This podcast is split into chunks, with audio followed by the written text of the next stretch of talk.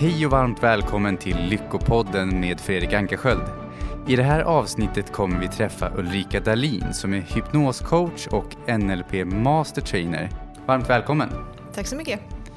I det här avsnittet kommer vi fokusera på de sex grundbehov vi människor har mm. som styr våra liv och ibland i en riktning vi vill komma och ibland inte. Precis. Hur kom du in på det området själv? Eh, jag kom i kontakt med det via Anthony Robbins som ju är en av mina, eh, de som jag modellerat en hel del i mina utbildningar och coaching och sånt där. Och han jobbar just med, han kallar dem för Six Human Needs. Så vi har ju plockat in det i våra NLP-utbildningar och utvecklat det lite grann på vårt eget sätt. Så att det, det passar ju väldigt bra in med NLP och det jag gör för övrigt. Och jag känner ju att det är grunden i väldigt mycket av hur vi människor beter oss, vad vi gör för val, vad vi har för vanor och mönster och sånt där. Så för mig blir det en naturlig del att ta upp och titta på när jag jobbar med coaching men också som sagt i, i utbildningarna. Då. Mm. Det jag gillar, för jag var på en föreläsning ja, som du hade igår. Mm. Och just som du pratade om att vi kan ha massa, massa materiella yttre föreställningar av vad vi har för behov och liksom som kommer mm ge oss tillfredsställelse. Mm. Men om våra grundläggande needs eller behov liksom inte är tillfredsställda så mm. kommer det materiella inte göra att vi känner oss glada, lyckliga. Nej. Nej precis, det är ju så många, och speciellt här i västvärlden, som tror att lycka det handlar ju om, om att vara framgångsrik inom alltså just det materiella. Att man ska ha si så mycket pengar eller de och de fina sakerna och kläderna och allt vad det är. Mm. Men om man tittar på hur många människor som är olyckliga, mår dåligt och deprimerade och går på alla möjliga sorters droger fastän de har alla möjliga sorters framgångar och hur mycket pengar som helst. Så, så blir det ju lätt att förstå att det finns ingen direkt koppling där. Utan att det är andra behov som behöver tillgodoses för att kunna känna den tillfredsställelse som du kan få av, av de materiella tillgångarna också. Mm. Så det finns ju inget som säger att du inte kan vara rik och lycklig. men, men däremot så är det ju inte någon förutsättning för att vara lycklig. Mm. Och det är inte heller någon garanti att du är lycklig bara för att du är rik. det är precis som att ha dålig ekonomi är ju inte heller en förutsättning för att vara lycklig. Liksom. Nej, verkligen inte. Nej, absolut inte. Så vilka, om vi tar det första grundläggande behovet då? Mm. Ja, det är ju trygghet. Och jag, kom, jag läste för ett tag sedan en berättelse om, eh, de hade gjort undersökningar på varför det blir upplopp på fängelser. Och de tog då in en, en specialist på det här med fängelsesäkerhet och gjorde en intervju. Och då visade det sig att de här fångarna, de är ju väldigt eh, inrutade. Alltså de, de har liksom regler och hur det fungerar. De vet eh, vad som förväntas av dem och vilka människor som är där och hur, hur allting eh, flyter på. Men om det till exempel kommer in en ny fängelsefånge som är en, en, kanske en högriskfånge eller från någon rivaliserande gäng eller sådär. Eller man ändrar någon regel eller helt plötsligt får man inte titta på TV vid den tiden eller man, de inför rökförbud eller sådana saker. Då ökar sannolikheten väldigt mycket med att det blir upplopp. Eh, och då kan man ju tänka att alltså, det finns ju ingen anledning eller det finns ingen vinst för fångar. För det enda som händer är att de blir ju bestraffade och får längre straff. Ja. Eh, för de sitter ju där de sitter i alla fall. Men eh, det man kom fram till då var att de här fångarna de känner alltså en otrygghet. För att deras förutsättningar, deras miljö, det de är bekanta och bekväma med förändras och då känner de sig otrygga. Så den här experten sa att eh, när de jobbar med säkerheten så handlar det just om att fråga sig själv Känner sig fångarna säkra och trygga i den här miljön på det här sättet? Och att man då inför mindre grupper och sådana här saker just för att underlätta det. Och det är ganska intressant för man tänker att de här kriminella de kanske är härdade och de är tuffa och de ska vara, man, man har liksom förväntningar på, på, på de här personerna. Men, men precis som vi andra så är det det grundläggande, den här överlevnadsinstinkten som kickar in. Mm. Om jag inte känner mig trygg. Och då fungerar de som barn eller som vem som helst. att De protesterar, de försöker skapa tillbaka sin trygghet. På alla möjliga sätt. Och, och ett sätt som sker där då, det är att det blir ett våldsamt upplopp. Mm. Så det, och det tycker jag är väldigt spännande. Men det är ju på samma sätt om man tittar på alltså människor som blir sjuka eller har någon nära anhörig. Helt plötsligt så blir det andra inte viktigt. Utan då är det tryggheten. Att jag är säker på min överlevnad, att jag kommer kunna fortsätta må bra eller att jag blir frisk eller vad det nu är. Och det är ju också väldigt aktuellt och det märker man ju också med alla människor som är deprimerade och så. Så tryggheten är A och O. Hur kan det här ta sig uttryck i relationer mellan, alltså till exempel partnerskap och sådana saker?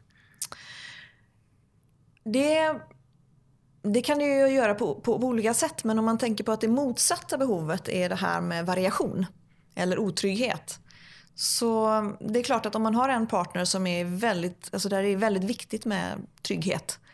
Eh, att vi, vi har en stabilitet, att vi är öppna och ärliga mot varandra, att jag vet precis hur du beter dig och vad du kommer att göra och alla de här grejerna. Och så har man en annan person som eh, verkligen längtar efter variation och spänning och äventyr och sådär. Det kan ju bli eh, intressanta konflikter och beslut som behöver fattas och, och att man bör, behöver reda ut det. Vad är viktigt för dig och, och, hur kommer det sig att det här betyder trygghet för dig? Och att du behöver så mycket mer trygghet än vad jag behöver. Det tycker jag är lite kul att ena grundbehovet är trygghet mm. och den andra grundbehovet är otrygghet mm. i balans. Liksom. Mm, absolut. Men det är ju lite grann det här dualiteten. Alltså, vi söker ju hela tiden det. Hela livet består ju av det. Det är svart och mörkt och, och eller vad säger jag, svart och vitt och, och eh, manligt och kvinnligt och gott och ont. Liksom.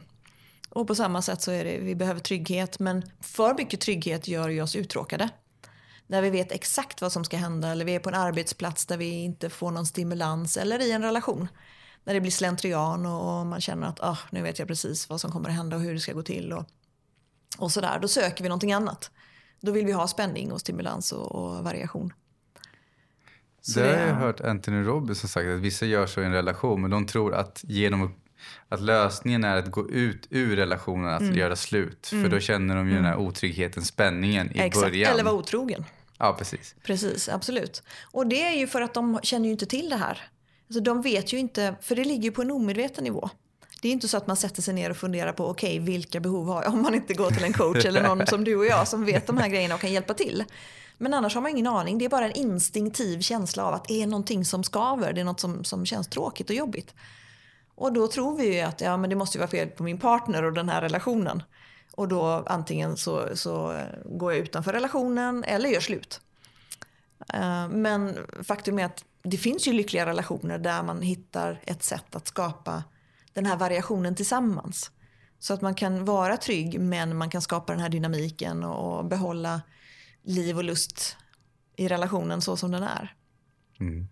Och det är det optimala förstås, för vi har ju den här längtan att vara tillsammans. Ja, för jag tänker ju också att när man är för otrygg så är det liksom motpolerna. Du kan ju ha för trygg, då blir det tråkigt. Och har mm. du för otrygg, mm. då blir ju det också inte kul och jobbigt. Ja, absolut.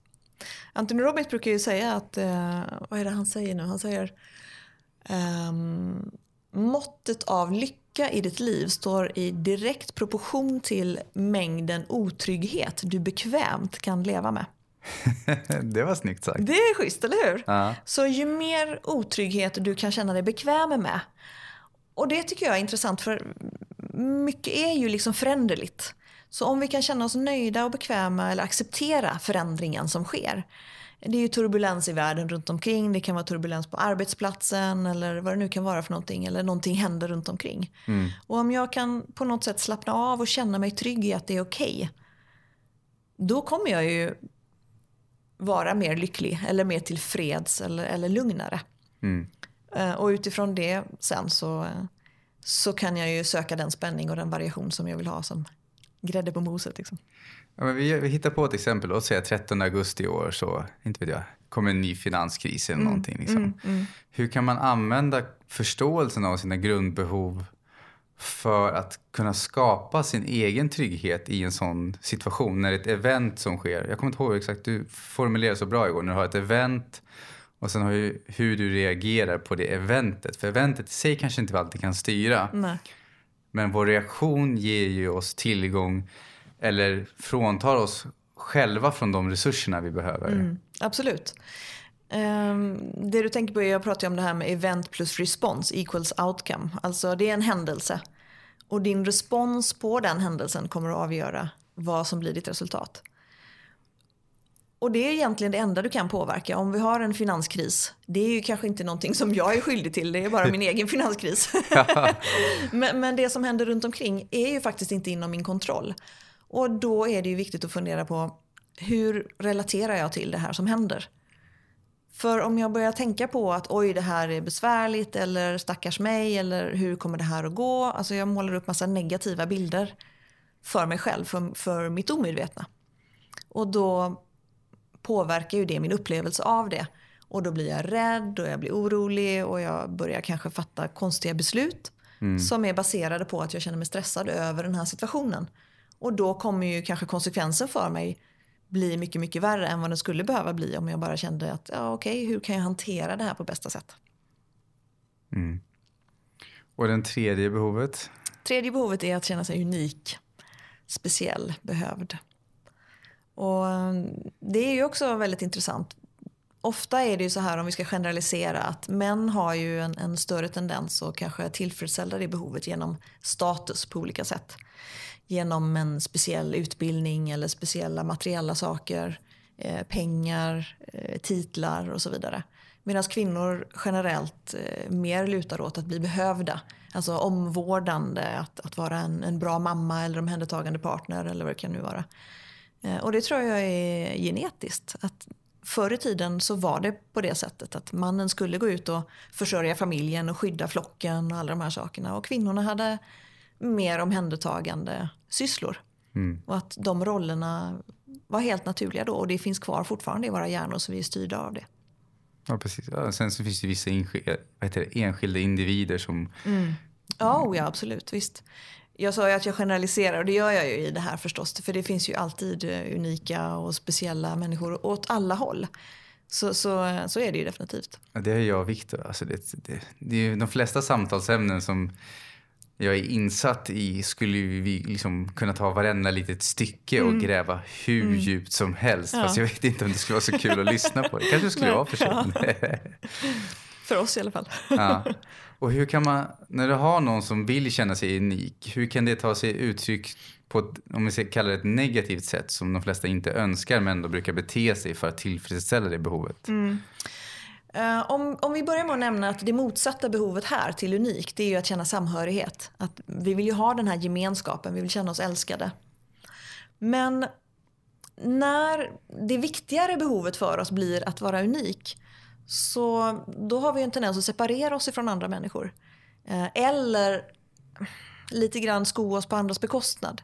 Att eh, jag prioriterar, jag blir egoistisk. Jag vill verkligen visa upp mig själv och då glömmer jag att ja, men jag har ju också ett viktigt behov av samhörighet och skapa gemenskap och de bitarna. Eh, så ofta kan det tendera till att man börjar känna sig ensam till slut. När man, man brukar säga ibland att det är ensamt på toppen. Och det behöver det ju inte vara men om man inte tar hand om sina relationer och så utan man är så fokuserad, man fastnar i och speciellt om man tror att de här materiella framgångarna ska göra mig lycklig så att jag har hela mitt fokus där och på vägen känner jag mig unik och speciell och fantastisk. Då finns det en risk att man glömmer bort det som är viktigt på vägen också. Mm. Så den tredje är unik och den fjärde är samhörighet? Just det. Och den, alltså om jag tänker så här att om du tar en person som känner sig att okej okay, men jag märker att jag är obalanserad och jag hamnar lätt i att jag vill känna mig mer unik än jag faktiskt försöker samhöra. Och jag, mm. Och där får man känna efter från person till person. Känns det rätt eller inte? Liksom? Mm. För allas liv är olika. Mm. Ja, nu tappar jag bort frågan bara för det. Men hur kan man använda det för att komma i mer balans då? Vilka frågor kan man ställa till sig själv? Eller? Ja, överhuvudtaget allting som du gör. Oavsett om det är någonting som du känner dig nöjd och tillfreds med. Eller om det är någonting som du känner att ah, shit det här är jag trött på eller nej nu behöver jag verkligen förändra det här för att jag är less på det eller jag kommer inte vidare eller jag vet inte varför jag gör det här. Eh, då kan man ju titta på alla de här behoven och sätta en siffra eller, eller lägga märke till på vilket sätt tillgodoser jag det här behovet med just det här beteendet.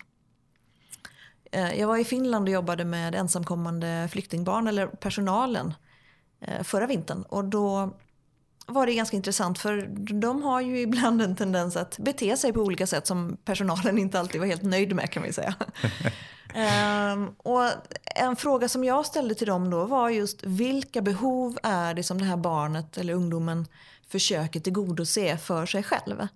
För jag tror att människor är, alltså de vill inte jävlas eller bråka utan de gör så gott de kan med de resurser som man har tillgängliga. Så om man beter sig på sätt som inte personalen eller, eller de anhöriga eller vem det nu kan vara tycker om så ifall du istället för att döma och säger att den här personen är elak eller den här personen är eh, kränkande eller, eller nonchalant eller vad det kan vara för någonting. Om man istället är öppen för att den personen försöker tillgodose något behov. Vilket behov kan det vara? Och hur skulle man kunna hjälpa den personen att tillgodose det på ett effektivare eller mer användbart sätt? Som skulle vara bättre både för den personen men också för omgivningen. Och det gäller ju en själv i relationer och allting annat också. Mm. Ja, jag gillar ju själv boken, vad heter det? How smart people can be so stupid. Ja, just det. Mm. För att den, den går igenom att du, de har tagit liksom advokater inom brottsmål som jobbat med det i liksom, alltså 20 år, 30 år. Mm. Som sen går och gör brott inom det, samma genre. Eller ja. liksom folk som forskare, specialister på ett visst område. Mm. Men ändå, trots all deras erfarenhet, går och gör samma misstag som de har så mycket smart, logisk kunskap om. Mm. Men deras beteenden går ändå emot. Och det är för mm. att det undermedvetna tar genvägar. Mm. För att vi inte ska kunna behöva, liksom, behöva bemöta det som inte vi just då tror oss själva har resurser till att kunna hantera. Precis. Eller ibland kan det ju vara att vi inte har resurser att hantera. Mm, liksom. Mm, absolut, visst. Det var ju som jag sa det här med att ibland gör man ju så att ja, men okej, jag går och städar mitt skrivbord. Mm. Istället för att fatta det där viktiga beslutet eller göra någonting åt min relation eller byta jobb. För att det här kan jag åtminstone kontrollera. Eh, men det är ju inte medvetet. Eh, jag pratar ju väldigt mycket om det här med, med det omedvetna. Eller som jag kallar det för scouten då. och jag tänker ju mig det omedvetna som din bästa vän. Den här scouten som vill hjälpa dig. Den är alltid redo att ge dig så mycket glädje och njutning som möjligt. Men också att skydda dig från smärta. All typ av eh, kris eller negativa känslor eller eh, att det är tråkigt, jobbigt, besvärligt. Och då tänker jag att eftersom den hela tiden vill skydda dig och ge dig så mycket glädje och njutning som möjligt, då vill den ju ta den enkla vägen. Och därför söker den sätt att ah, men vi lägger det där åt sidan lite grann, för det, det vet jag inte hur jag ska göra. Jag har inte med det i min scoutmanual. Jag lägger det i soppåsen så länge. Precis, jag lägger det i soptunnan där och så får du hantera det lite senare. Och det tror jag är, det märker man ju mycket i hur vi då tillgodoser de här behoven. Eh, för sen har vi ju två behov till. Och det femte då det är ju det här med att vi vill utvecklas. Vi har ju en, en instinktiv längtan att utvecklas. När man har små barn till exempel, de behöver man inte tjata på utan de tjatar istället på de vuxna och ställer en massa frågor. För de har ju en längtan att utvecklas, att lära sig, att utforska världen och ta reda på vad saker betyder och sådär. Och det har ju vi vuxna med oss också fast vi kanske inte alltid anammar det på samma sätt. Men nästan alla man pratar med tycker ju att det är en viktig del i livet. Att lära sig mer, att utvecklas och prova nya saker och sådär. Men sen har vi ju det sjätte behovet och det är ju då att bidra. Att, att det jag kan, det jag vet, det vill jag bidra med till andra människor. Och hjälpa deras eh, liv eller, eller vad det nu är. Och det märker jag ju jättetydligt på mina NLP-utbildningar.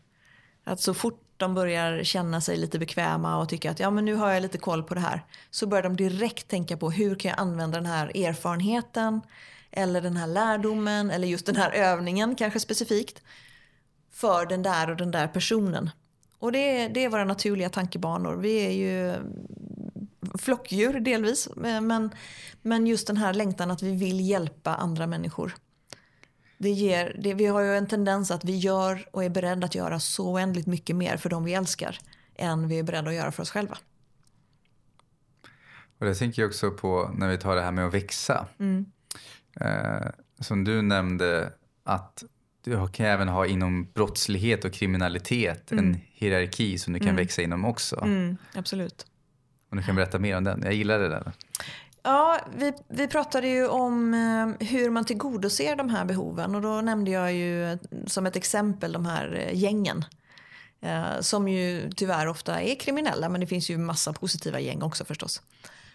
Men just det här med att de har ju då, om vi skulle sätta siffror på de här olika kategorierna.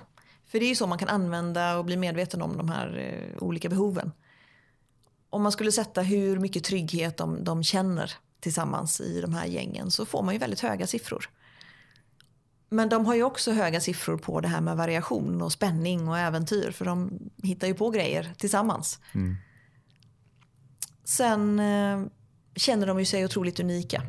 Det är ju ofta kanske de emot världen eller de är speciella. De har speciella frisyrer eller kläder eller eh, musikstil eller vad det nu än är för någonting. Speciella motorcyklar eller, eller vad det nu är, eller ett speciellt fotbollslag som de hejar på.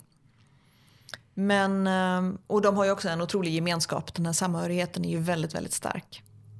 Och när vi då pratar om det här med att växa och utvecklas så kan det ju vara så att de lär ju sig saker i det här gänget. De har någon slags gemensamt intresse eller så. Men det kan ju också vara så att de har en, en så att säga, hierarkisk ordning i det här gänget. Så att när man, när man tillåts komma in så kanske man har någon speciell ritual eller så som man behöver göra. Och sedan så behöver man kanske klättra i rangordning för att bli accepterad. Och... Det gör väl också att man känner sig unik. När man växer och klättrar i rangordningen så känner man sig unik när man mm. har en viss position. Mm. Absolut, visst. Det är ju ett sätt att eh, tillgodose det behovet på. Mm. Och de kan hjälpa varandra. Sen kanske inte det gynnar allmänheten. inte så värst kanske, just, eh, i, inte just det specifika fallet. Men det finns ju många positiva saker. Om man tittar på eh, många gäng och den trygghet de kan hitta där så, så är det kanske så om man tittar på ungdomar som ligger mig varmt om hjärtat så saknar ju tyvärr många av dem den här både tryggheten men också den här gemenskapen med kanske föräldrar som jobbar häcken av sig för att få in pengarna. som då ska leda till lycka. Men där man missar att mitt barn kanske egentligen vill ha nära kontakt med mig. Eh, och då missar man både tryggheten och gemenskapen. Och den uppfylls ju då väldigt effektivt av det här gänget. Det blir ju som ett substitut. Mm. En sak som du också nämnde vad heter det, är ju att man kan ta ett papper och så skriver man ner vanan man vill byta ut eller mm. målet man vill uppnå. Mm. Och på ena sidan kan man skriva plus och minus. Mm. Men till minuset koppla vilka behov får jag till, alltså, vad heter det, tillfredsställda genom att inte agera på det jag borde mm. göra mm. eller inte uppnå det här mm. målet. Och på plusset vilka behov får jag tillgodosedda om jag uppnår det. Ja, exakt. Eller om jag ändrar den här vanan. Vi brukar kalla det för vågen. Det är ju de här två motpolerna som, som styr hela vårt liv. Och som scouten då, vårt omedvetna, är fullt upptaget, eller en, en, en stor del av eh, fokuseringen i alla fall, ligger ju i då att skydda oss från smärta. Som ju är den negativa polen och ge så mycket glädje och njutning som möjligt. Så när man tittar på vågskålarna då, så om det är någonting du vill förändra, en vana till exempel, människor vill motionera mera eller äta bättre eller, eller byta jobb eller bete sig snällare mot sin partner eller sina barn eller, eller sig själv. Och då är det ju viktigt att först titta på det, det gamla, alltså hur har det varit fram tills nu?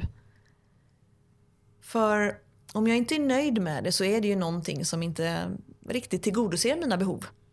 Men det tillgodoser dem tillräckligt mycket för att ha behållit den vanan fram tills nu. Och nästan alltid så är det för att man associerar eh, smärta till att förändra och njutning till att fortsätta. Så man får den där belöningskicken på ett, ett, en, en, eh, kort, i ett kort perspektiv. Och då gör det att vi är inte så motiverade att förändra den där vanan. Så man behöver ju titta på vad finns det för nackdelar med det gamla? Vad kostar det mig? Vad, vad missar jag för någonting? Hur känns det egentligen? Jag kanske, får, ehm, ja, jag kanske tänker negativa tankar om mig själv eller vad det kan vara för någonting. Jag kanske känner mig missnöjd med mig själv. Och då är det bra att trycka lite extra på det så att det blir extra smärtsamt. För det är då vi börjar få motivation att faktiskt förändras. Eftersom vi bara förändras om vi är tillräckligt desperata eller tillräckligt inspirerade. Alltså desperation eller inspiration. Så ehm, behöver det bli tillräckligt jävligt, ursäkta mig, med det gamla för att vi ska känna men nu vill jag verkligen bestämma mig och göra någonting åt det. Men det jag ja. älskar det, förlåt, men det jag älskar det med NLP och hypnos är att man behöver liksom inte vänta på att det skiter sig i det yttre utan man Nej. kan ju plocka fram de känslorna, associationen mm. medvetet själv. Mm. Ja, absolut. Och det handlar ju mycket om att bli medveten om hur påverkar jag mitt tillstånd. Vad är det för någonting jag faktiskt kan göra? För det är ju någonting som ligger i vår makt. Det är ju en av de här sakerna som den här responsen vi pratar om som kan påverka mitt, till, mitt eh, resultat. Om jag själv tar ansvar för hur jag mår. Alltså att jag förändrar det jag behöver för att känna mig stark eller avslappnad eller trygg eller vad det nu kan vara för någonting. Och det kan vi ju göra genom att vi förändrar vår fysiologi, hur vi använder kroppen, hur vi andas, hur vi rör oss.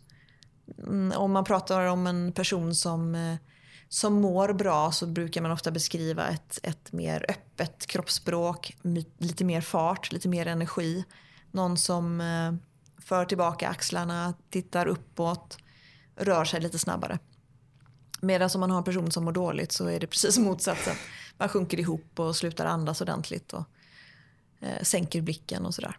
Så att eh, fysiologin är ju det viktigaste som du kan använda dig av för att ändra kemi i kroppen, alltså byta tillstånd. Men sen så har vi ju fokus, det du fokuserar på blir verkligt brukar man ju säga. Så när du fokuserar på att det är skit och elände så är det ju som att du ger ett budskap till din scout. Ett kommando. Som talar om för scouten att nu ska vi må dåligt. Och scouten den säger ju bara alltid redo.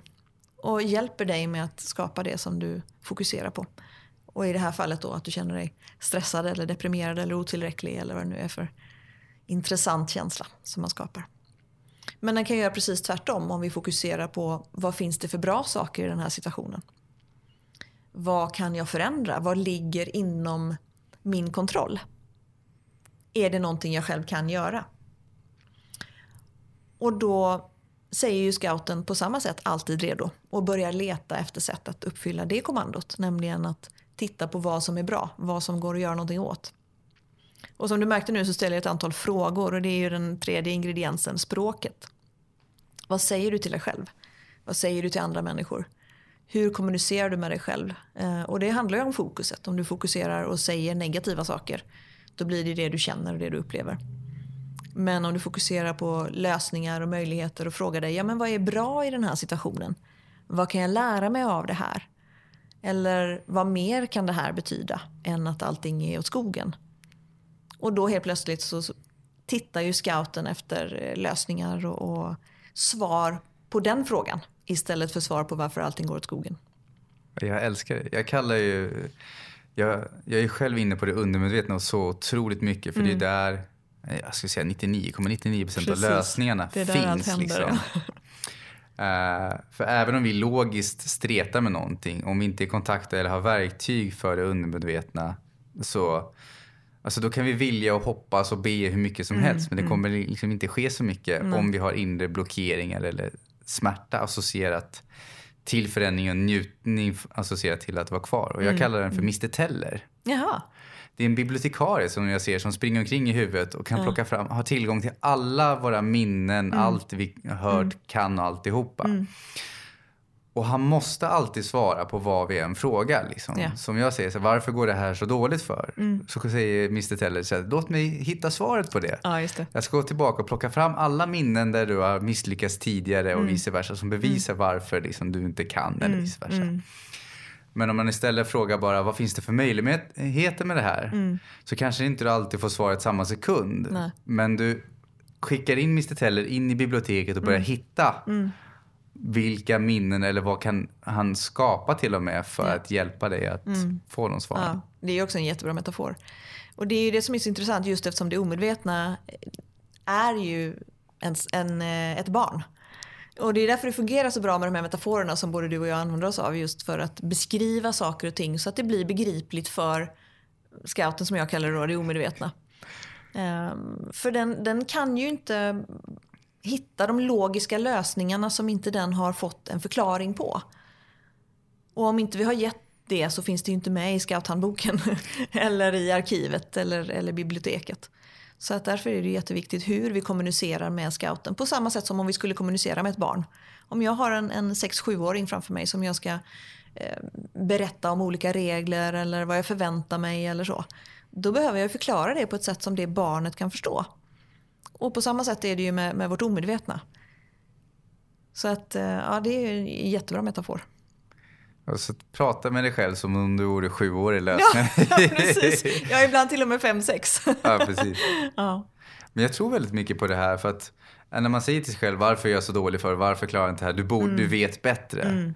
Det, spelar, alltså, det löser ju inte problemet liksom. Nej.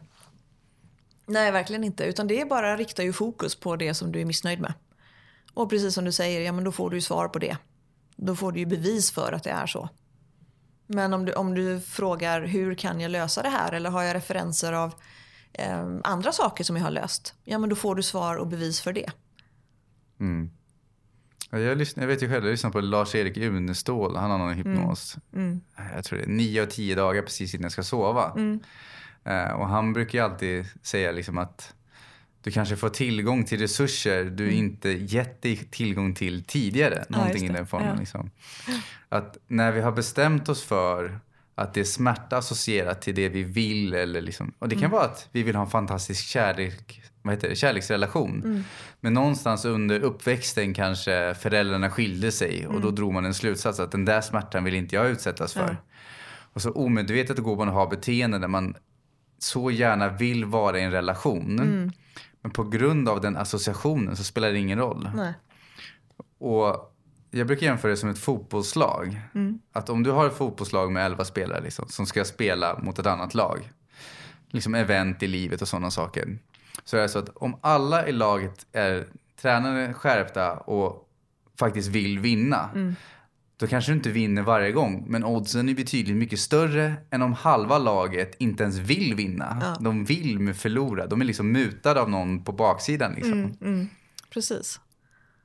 Och du brukar jämföra med roddare om jag kommer ihåg rätt. Ja, precis. Jag brukar prata om eh, om du har en roddbåt med, med tio stycken eh, roddare och du har bestämt dig för att du ska ro åt ett håll, men så har du då två stycken. De där eh, omedvetna som, som är helt säkra på att nej, det där är fel. Och då spelar det ingen roll hur mycket de andra ror för det kommer inte, man kommer ju inte fram eller det tar mycket längre tid eller det blir väldigt svajig resa. Och så fort de där åtta som vill åt ett håll börjar bli trötta eller tappar fokus på målet, ja men då kommer de andra två ta över. Och se till att du kommer tillbaka igen. Och det är ju så det fungerar med det här med att vi, vi återfaller i samma mönster, samma tankebanor eller samma beteenden. Eller återskapar liknande typer av relationer och sådär. Det är ju just för att det omedvetna går in eh, och styr enligt den gamla handboken. Den gamla programmeringen som ligger där och, och drar tillbaka. Det är som den här åttan, vad heter den? Eh, Crazy eight, ja, Ja, den precis. galna åttan, ja precis om du, kan du berätta lite mer om den? Ja, det är ju också någonting som kommer från Anthony Robbins, just det här med att vi har ju en tendens att eh, hamna till exempel i en, en depression eller i ett mönster där vi känner att vi, det börjar bli hopplöst, vi, vi ser inga utvägar, inga lösningar och vi, vi har den där negativa inre dialogen och, och, och det blir bara värre och värre och värre. Men så till slut så händer någonting som gör att vi, liksom, vi får nog. Att det blir tillräckligt eländigt, vi blir desperata. Eh, och då blir det ju ofta vi får en kick. Antingen så blir vi förbannade. Och då helt plötsligt säger vi, nej nu jäklar ska jag göra någonting annat. Nu behöver jag verkligen, eller nu måste jag göra någonting annorlunda för att eh, man inser att så länge jag fortsätter på det här sättet så blir det inte någon skillnad. Och då brukar man ju ofta, det är som att man tänder en tändsticka. Helt plötsligt så blir det full fart framåt. Och det är då man tar tag i saker och ting. Man, man kastar ut eh, all, alla sötsaker eller vad det nu är för någonting. Och, eller man städar i hela lägenheten. Eller, eller man kastar ut sin partner eller säger upp sig från jobbet. Man fattar beslut som är väldigt eh, kraftfulla. Det är bara det att den där tändstickan den har ju bara en viss mängd eh, bränsle tills den dör ut. Och när den gör det då, om inte vi har ett sätt att tända nästa tändsticka eller, eller få en, en mer långvarig eh, brinnkraft så kommer det ju göra att när den tar slut då går vi in tillbaka till samma mönster för då har vi inte den där drivkraften framåt längre. Och då går man ner i kanske hopplöshet och depressioner och, och återupprepar samma gamla mönster en gång till. Tills det blir tillräckligt illa. Och man tänder en ny tändsticka och får drivkraft igen. Men så, och det liknar man ju då vid den här evighetsåttan som man ser konsumsymbolen också. Att den bara fortsätter och fortsätter och fortsätter. Så sättet att komma ur det, det är ju att då hitta en positiv eh, ett, ett positivt fokus. Andra lösningar. Och det kan man ju få hjälp av en, en bra coach. Eller eh, i mitt fall så tycker jag ju att det är otroligt användbart att komma till någon som jobbar med det omedvetna också. Eh, så att man kan få den kombinationen. Du kan få ett, ett bra samtal. Men om du inte kommer åt lösningarna som ligger eh, i biblioteket eller i scouthandboken så kommer det ju alltid att med största sannolikhet ramla tillbaka. Så det, då kan man ju börja med någon form av förändringsarbete eller process eller någon övning eller man går till en coach eller terapeut eller vad det nu kan vara för något som hjälper dig över. När du får nya verktyg så kommer du ju din scout kommer att hjälpa dig att välja det bästa alternativet som finns tillgängligt i din karta, alltså i din bild av vad som är sant, vad som är rätt och hur det fungerar med saker och ting.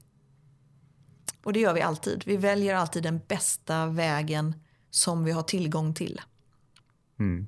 Blir, så brukar jag tänka när människor inte alltid gör som man tycker de borde göra. Eller, ja, liksom att, eller om man tittar på sin historia när man växte upp, mm. eller när jag växte upp snarare. Uh, då har det hjälpt mig väldigt mycket att tänka liksom att ja, men de gjorde det de kunde med de resurser de hade. Precis. De gjorde ju sitt bästa. Liksom. Mm. Och varför jag själv går på hypnos, jag även går till dig ibland, mm. uh, är just... Jag har alltid den här How smart people can be so stupid-boken i, i åtanke. Ja. För just att den går igenom att även om du är expert på någonting, mm. om ditt undermedvetna har en blockering eller associerat för stark smärta för att hantera det här problemet, mm. då kommer den dra genvägar. Så, att, mm. så att det är därför de här människorna som har de här beteendena som går det, så här, helt rakt emot allt de kan, mm. ändå tror att de tar ett logiskt beslut. Liksom. Ja. Uh, och det är därför jag själv rekommenderar coaching och rekommenderar dig. Mm. Just på grund av att jag vet att äh, om jag inte har de resultaten jag vill ha i livet så kan mm. det vara flera faktorer. Mm. Men en av grundorsakerna kan vara att jag lurar mig själv. Mm. Problemet är bara att jag inte vet om det Nej. och jag vet inte om vilken del eftersom jag, det är som att jaga sin egen svans om man ska mm. lösa det själv. Liksom. Det är ju därför också det är så jättelätt att se vad andra människor gör fel. När man ser det utifrån för att man har inte den känslomässiga kopplingen då. Och man behöver inte på något sätt blockera eller, eller stå upp för någonting. Och då är det ju jättelätt att coacha sina kompisar och, och nära sådär. För att när jag inte har det här eh, hindret eller det som blockerar mig själv, då blir det mycket enklare att tala om för någon annan. Som coach ska du ju inte ge svaret utan då vill du ju hjälpa din klient att locka fram svaret hos sig själv. Och det gör vi ju med hjälp av frågor och att kontakta det omedvetna då. Men definitivt, så därför är det ju otroligt eh, viktigt och användbart även för oss som jobbar med de här sakerna. Att gå till någon som ställer frågorna till oss. Mm. för då filtrerar vi inte på samma sätt. Och det hjälper ju oss att växa till nästa nivå mm, och nästa mm, nivå. Mm. Alltså jag är ju själv, om vi tänker på växa, det är ju som behov. Liksom. Jag har ju mm. aldrig träffat någon som är klar, som är färdig. Nej, liksom, som, nej. Jag har träffat många som tror att de är färdiga. Ja. Men det är man ju bara oftast en period. Sen så inser man att oj då, vad lite jag visste egentligen. Jag menar när jag var 17 år så trodde jag att men nu vet jag hur allting fungerar, nu ska jag börja bli äldre. men det har jag ju insett sen att så är det ju inte utan det är ju en, en, en otroligt spännande process. Mm. Så jag tycker ju att alltså, väldigt, nästan allting som jag har lärt mig eh, eller det som jag använder mig av när jag träffar människor nu det är ju från mina erfarenheter av att jobba med andra människor och mig själv. Mm. Det är inte så mycket. Det finns ju såklart böcker som har varit fantastiska och som har gett mig otroligt mycket och, och vissa förebilder. Men just den här alltså erfarenheten och ödmjukheten är att jag lär mig någonting av varje människa jag möter. Och det är ganska intressant för när man själv är inne i en period eh, när det finns utmaningar och sådär så är det väldigt spännande hur det på något sätt kommer de klienter som man behöver för att bearbeta sitt eget under tiden som man jobbar med dem. För att det är snarlik, eh, snarlika utmaningar eller, eller det hänger ihop på något sätt. Så när man jobbar med sitt eget så kan man hjälpa klienten ännu bättre och tvärtom. Ja, oh, gud ja. Kanske inte skulle sagt. ja, men jag vet ju själv. Ja, men det, det blir liksom, jag har ju själv varit med om att saker. Alltså de råd, när jag har också coachingklienter mm. så har det ju varit flera gånger råd jag har gett mm. alltså, till den jag coachar. Ja. Så jag men gud det där behöver jag göra. Så jag har ja, gått hem och gjort samma sak. Mm, precis, visst. Och det är egentligen, basen är ju de här sex grundbehoven om man tittar så. Mm, Och sen kan ju de ta, jag vet inte, oändligt antal former. Mm. Beroende på vart vi är i livet Mm. och, och liksom vilken del av livet vi vill utforska. Även om vi har en person som är så kallat upplyst Ja. så kanske de fortfarande vill utveckla sitt sätt att kommunicera med andra människor så de blir förstådda eller liksom vice versa. Liksom. Ja, absolut. Och sen så kallar man ju de här, alltså, nu pratar vi om de sex mentala grundbehoven, men om du tittar på någon annan metod eller någon annan eh, ja, del eller sådär så, så kallar man, alltså alla har ju de här behoven men ibland nämner man dem på lite andra sätt eller sådär. Det finns ju de som pratar om det här med att vi behöver, eh, vi behöver gemenskap, vi behöver en, eh, vad heter det, ett syfte. Och vi behöver, nu ska vi se här, det är tro och syfte. Och gemenskap, ja precis. Att, att man liksom har ett hopp om, om eh, att någonting är möjligt. För om vi inte har det så då kommer vi inte göra det som behövs. Och så de här grejerna, det är liksom... Man paketerar sakerna olika beroende på vilken metod man håller på med eller så. Men, men eh, det är återkommande grejer så man kan känna igen sig i väldigt mycket. Eh, oavsett egentligen vem man går till. Och det är också det som jag tycker är viktigt. För det är ganska ofta folk säger till mig att men varför ska jag komma just till dig eller varför ska jag gå din NLP-utbildning? Och jag brukar säga det att du behöver inte gå min NLP-utbildning utan gå till den som du känner förtroende för. Ta reda på vilka som finns eller ta reda på vilka coacher som finns och gå till den som du känner förtroende för. För om du inte känner förtroende för den du kommer till då kommer du inte kunna ta till dig lärdomen och få den maximala utvecklingen för dig. Så det tycker jag är avgörande i de här bitarna. Att det är otroligt viktigt. Och det handlar ju också om tryggheten. Om du inte känner dig trygg, eller som när jag håller på med hypnos. Om inte en klient känner förtroende och att den är trygg med mig så kommer den ju aldrig kunna gå tillräckligt djupt för att hitta sina svar. Hur bra jag än är på det som jag gör. Utan det är ju det här samspelet. Ja, Jag tänker likadant när man går till en mentor eller sådana saker. Så jag brukar ju ofta studera vem det är och vilket, liksom, vad, jag går inte så jättedjupt i bakgrunden så länge, men jag försöker alltid hitta någon person jag har förtroende för som kan alltså, förstärka mitt förtroende för den personen. För då har jag mycket lättare att lyssna på vad den säger. Som ett exempel så var jag på ett event av Harv Eker heter han. För, förra veckan och även nu i helgen i London. Liksom. Och då är det vissa sakerna och människorna som var där och talade sa ju saker som kanske är utanför mitt, mitt medvetande eller har varit innan. Ja. Och jag satt och tänkte, jag bara herregud. Alltså hade jag suttit här och jag inte hade det förtroendet jag har för Harv Eker och vad, att han skulle aldrig ta in den här, alltså han skulle aldrig referera till den här människan om han inte verkligen visste att det den gjorde var bra. Med tanke på att den, det varumärket han har i den organisationen. Då, då tänkte jag faktiskt, jag hade, alltså det, det var mycket av det de sa hade jag inte trott på. Nej? För att det var så långt utanför hur jag brukar tänka. Ja. Men tack vare att jag hade den tryggheten så var jag så här, okej jag fattar inte så mycket av det här. Det här, det här är inte riktigt så jag brukar tänka. Men uppenbarligen så har jag en tillit i det här. Så vad i det här kan jag lära mig? Ja. Men det hade inte gått om jag inte hade den tilliten. Då hade det lätt hänt att man suttit där och bara, Åh, herregud, inte en till liksom. Alltså, varför sitter jag här och lyssnar på det här för? Absolut, och det är ju fördelen också. Alltså, som jag när jag håller utbildningar eller också jobbar med, med hypnosklienter så, så väldigt många av de som kommer till mig är ju människor som kommer på rekommendationer.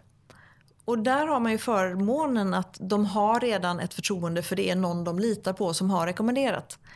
På samma sätt som du kom till mig via Erik. Ja. Och, och det är ju väldigt viktigt. Men det är också det som är, tänker jag, när man tar... Jag vill alltid gärna ge mina klienter eller, eller deltagare mer än vad de förväntar sig. För om jag gör det, om jag lyckas med det, då kommer ju de inte bara vara nöjda med den upplevelse och förändring och utveckling de har fått. Men då kommer de ju också att sprida det här för att det är någonting som känns bra för oss så har vi det här behovet att vi vill bidra. Och alla människor har ju någon mer som de vet inte mår bra eller inte kommer dit de vill eller behöver någon slags förändring. liksom. Vilka är de vanligaste förändringarna människor brukar komma till dig för att få hjälp med? Eh, det beror på om du tänker på utbildningarna eller om du tänker på... Ja, både och. För du har ju utbildningar på Kreta. Mm, jag har ju utbildningar lite här och var. jag har ju haft på Kreta under ett par år. Men jag har ju också i Sverige och jag har haft det både i Oslo och i Finland. Men jag håller ju NLP-utbildningar eh, både kortare och längre och på alla nivåer. Mm. Ehm, de som går mina NLP-utbildningar är ju jättemycket människor av alla möjliga kategorier. Där är det verkligen allt. Jag har de som vill återhämta sig från en utmattningsdepression som kanske till och med fortfarande är sjukskrivna. Um, och de som har kommit en bit på vägen. Jag har, har de som vill bli bättre affärsledare eller, eller företagsledare. Uh, men det kan också vara ungdomar som precis har slutat skolan och, och, undrar vad de ska göra med livet. Det är kvinnor och män i alla varianter och åldrar och så.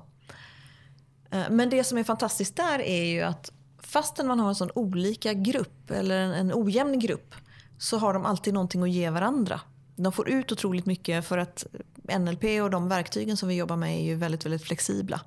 Så därför kan man ha all den här otroliga blandningen och ändå så, så får de ut precis det man behöver av just den strategin eller, eller det vi jobbar med för tillfället. För de som aldrig hört talas om NLP, kan du beskriva eh, Ja, det står ju för neurolingvistisk programmering. det kanske inte säger Du skrattar och det är ju så att... Ja, men det är för att jag vet att det säger inte... Ja, det är lite laddat sådär. Vad betyder det och vad är det för någonting? Eh, så om man ska säga väldigt enkelt så brukar jag säga att ja, men det handlar om att hjälpa människor från där de är till dit de vill komma.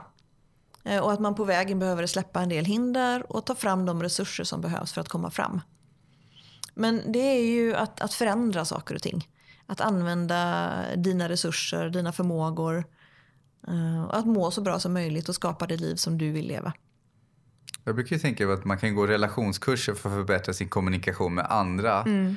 För att tydligare bli förstådd och få, liksom, ja, få igenom sina åsikter, önskningar och få sina behov tillgodosedda mm. i relationen. Mm. NLP är egentligen att du lär dig kommunicera med dig själv så att du kan tillfredsställa dina egna behov och förstå dig själv och komma i kontakt med dig så att din relation med dig själv blir mm. bättre.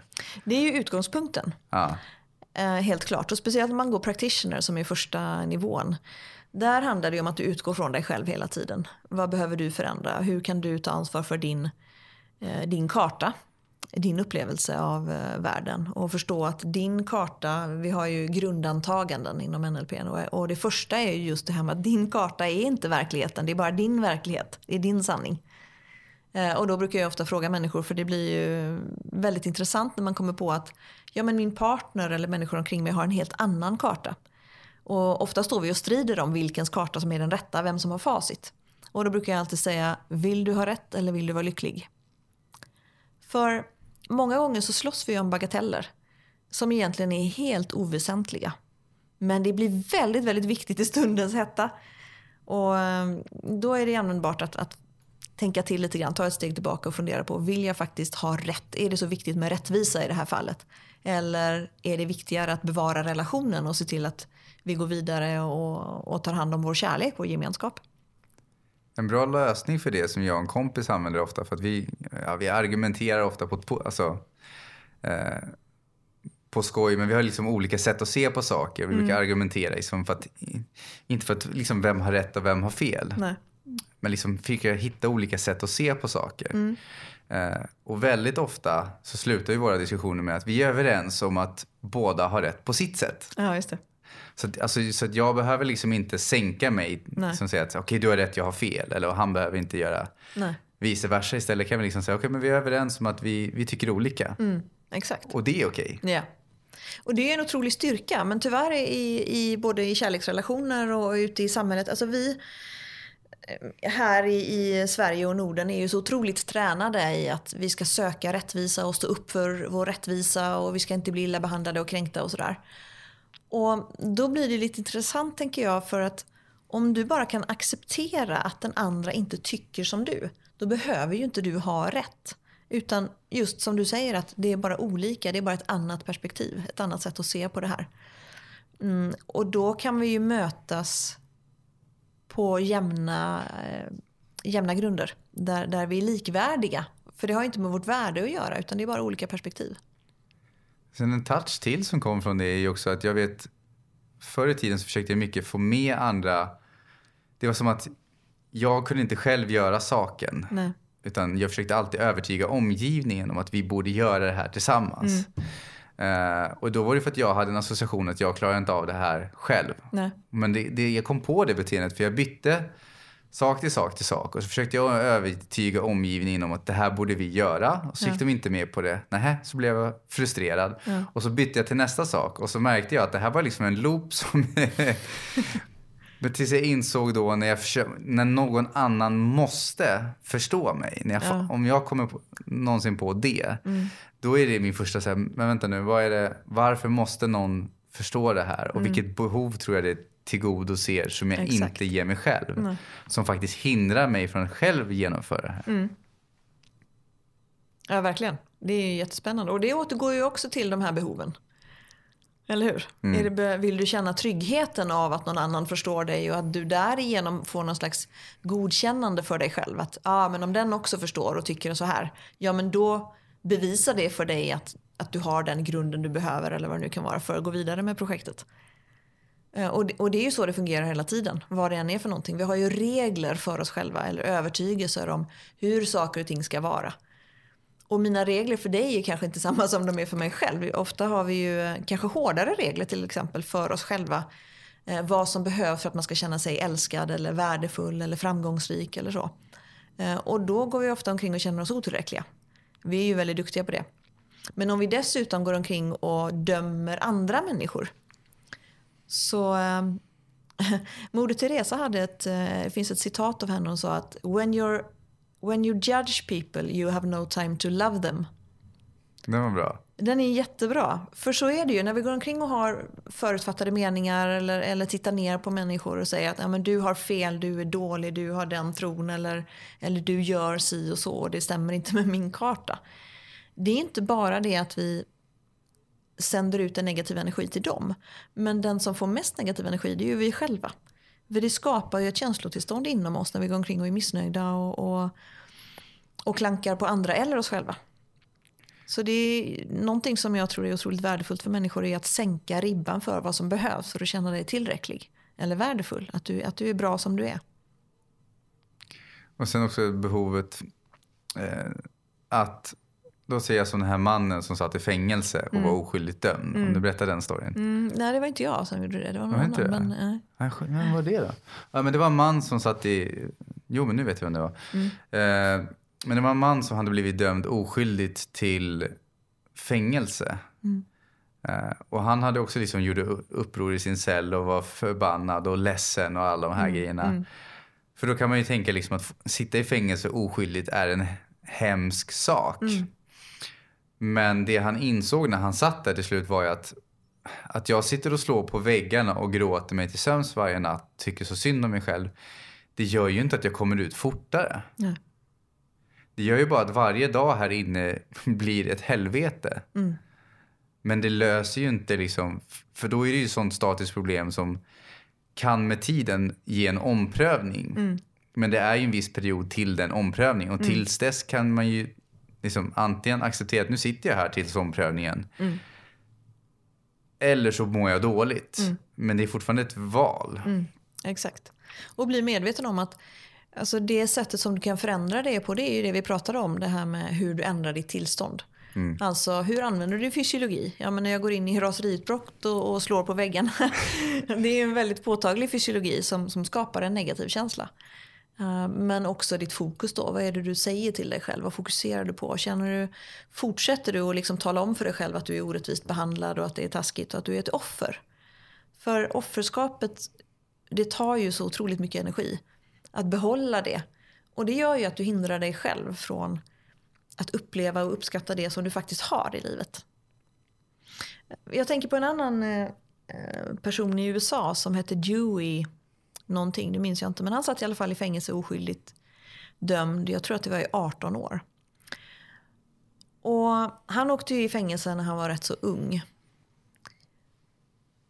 Och varje, om det var varje vecka eller varje dag. Men han skrev i alla fall samma brev varenda, om det nu var vecka, till då den här eh, instansen för att, eh, för att kunna bli fri. Och, och han skrev exakt samma brev om att jag heter så här och så här och nu skriver jag här till er igen och jag är oskyldigt dömd och sådär. Och till slut så visade det sig att han var ju det. Han var ju oskyldigt dömd och han kom ut och då var det ju förstås jättemycket press och sådana grejer. Och så frågar de honom, ja men vad ska du göra nu? Ska du liksom, blir det rättegångar nu och sådär för att få upprättelse och, och, få skadestånd och alla de här grejerna? Och han, han sa så att nej, nu ska jag leva mitt liv. Jag har liksom i 17 år varit inlåst här. Nu har jag inte tid att lägga massa energi på och bitterhet och hålla fast i det här med att jag är kränkt och illa behandlad. Utan nu ska jag fokusera på att leva mitt liv. Jag var gift och hade barn och grejer som hade kommit till under fängelsetiden och sådär. Och det tycker jag är så otroligt befriande att förstå på samma sätt som den här andra mannen att det är ingen som kan bestämma hur du ska känna, hur du ska må, hur du ska leva ditt liv. Det finns ju alltså människor i koncentrationsläger till och med som har lyckats känna en mening. Jag tänker på Viktor Frankl. Precis, Viktor Frankl. Exakt. Och, och, han, han jämställer ju det med just den här koncentrationslägertiden. Jämställer han ju med de som är långvarigt eh, arbetslösa. Och det är den här med när man saknar mening. Den här Viktor Frankl, för de som inte känner till honom, mm. han satt ju i koncentrationsläger själv. Mm. Så att, och därifrån så observerade han då att sannolikheten för dem, alltså det var, det var många människor där dog ju. Mm. Han hade förmånen att klara sig men han var ändå ganska länge i koncentrationsläger. Mm.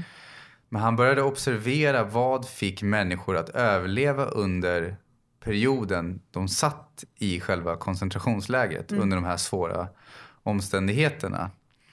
Och de som oftast, eller ofta liksom dog snabbare mm var människor som satt och ältade hela dagarna. Mm. Varför hände det här? Mm. För Vad har jag gjort för ont mot Gud? Och liksom mm. sådana saker. Mm. Medan de människor som klarar sig bäst, och det säger ju inte, alltså självklart om, de, om även om du är peppad att gå in i en gaskammare betyder det inte att du klarar. Men de människor som inte gjorde det, mm. som jobbade där som arbetare och sådana saker på lägren. Mm. Eh, det var ju väldigt många av dem som dog. Mm. Men av de människorna som överlevde så de flesta av dem såg istället hopp med det hela. Att när jag kommer ut härifrån då ska jag sprida det här till världen så att det aldrig händer igen och sådana saker. Ja. Och det ökade radikalt, jag kommer inte ihåg hur många procent och sånt, men sannolikheten för att överleva under den perioden var radikalt mycket mm, högre. Mm, absolut. Och där ser man ju igen det här som vi pratade om, det här med hoppet. Att det finns ett hopp. Men också som han uttrycker väldigt starkt är ju att det finns en mening. Alltså de skapar en mening för sitt lidande så att säga. Att de tänker att, men okej, genom att jag tar mig igenom det här och får de här upplevelserna så ska jag utbilda andra eller ska jag lära andra hur man ska ta vara på livet eller hur man ska uppskatta sig själv och, och de här bitarna. Så att det är någonting man vill föra vidare. Och då har vi igen det här med att man vill bidra. Så den längtan, det här hoppet och meningen med saker och ting, de hänger ju ihop. Vad det än är man gör för någonting. Mm. Jag får tacka för dagens samtal. För Tack de själv. som antingen vill gå en NLP-utbildning hos dig eller gå på coachning. Mm. Eh, vart finns du? För du reser ju runt i Sverige. Ja, det gör jag. Jag är i Stockholm en vecka i månaden. Och annars så är jag mest i Malmö Ibland åker jag till Göteborg och Oslo och sådär också. Men det enklaste sättet att få tag i mig det är ju att man mejlar mig på ulrika.livingcoaching eller livingnlp.com. Så ulrika at livingcoaching eller livingnlp.com. Ja. Eh, och annars så kan man ju gå in på min hemsida som är då livingcoaching.com. Perfekt. Mm. Jag har ju själv varit hos dig flera gånger. Det mm. kommer bli flera. Mm, så jag, jag rekommenderar dig starkt. Tack. Jag får tacka för idag och tack, stort tack till dig som lyssnade och tack för att du väljer att prioritera dig själv och utveckla dig själv genom att ta del av den här typen av avsnitt. Absolut. Ha det gott. Hej hej. Hej då.